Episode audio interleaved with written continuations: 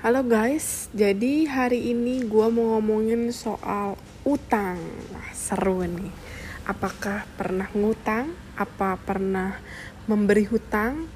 Nah, gue mau ceritain pengalaman gue soal utang ini.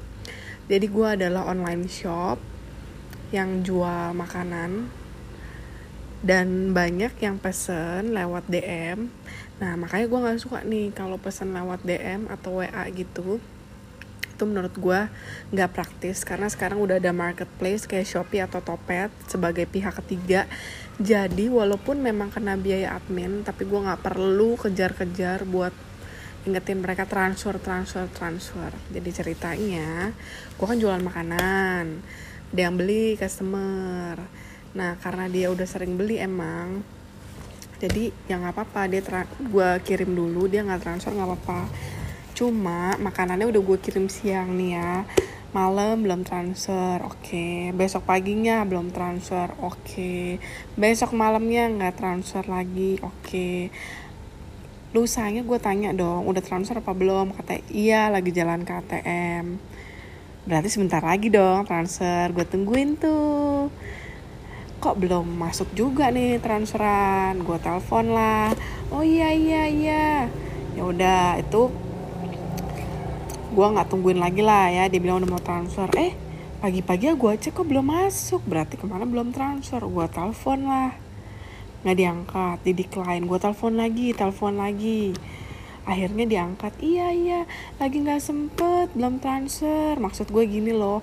Lu pesen makan. Gue sempet bikin ya. Terus lu udah sempet makannya udah jadi ee bahkan. Tapi lu kenapa buat transfer aja yang m banking? Sekarang tinggal klik klik klik klik beres. Lu nggak mau transfer bo. Itu makanan juga udah jadi tai. Tolong dong. Terus akhirnya dia transfer. Disertai kata-kata aku pasti transfer kok nggak bakal kabur. Nggak usah khawatir. Ya gue juga tahu lu nggak bakal kabur. Tapi kalau duit segitu ditahan di lu gue kan juga mau belanja ya butuh duitnya tolong dong please sama-sama enak aja. Lu transfer gue kirim barangnya. Terus kalau gue balikin gimana? Kenapa lu gak mau transfer cepetan? Gue juga pasti kok kirim barangnya gue nggak bakal bohong. Kan sama aja gue balikin kayak gitu. Ya gak sih kan kita tuh jualan juga ada effort.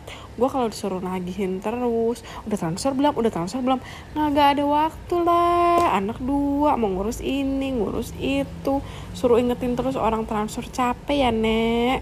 Pokoknya buat buat kalian yang pernah merasa ngutang atau yang punya pengalaman diutangin udah deh sama orang kayak gitu.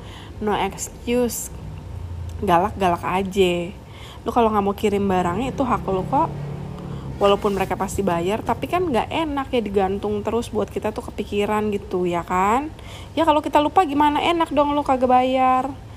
Nah pokoknya soal utang ini kurang-kurangin deh ya udah 2020 udah kagak zaman ngutang-ngutang. Oke sekian dari gue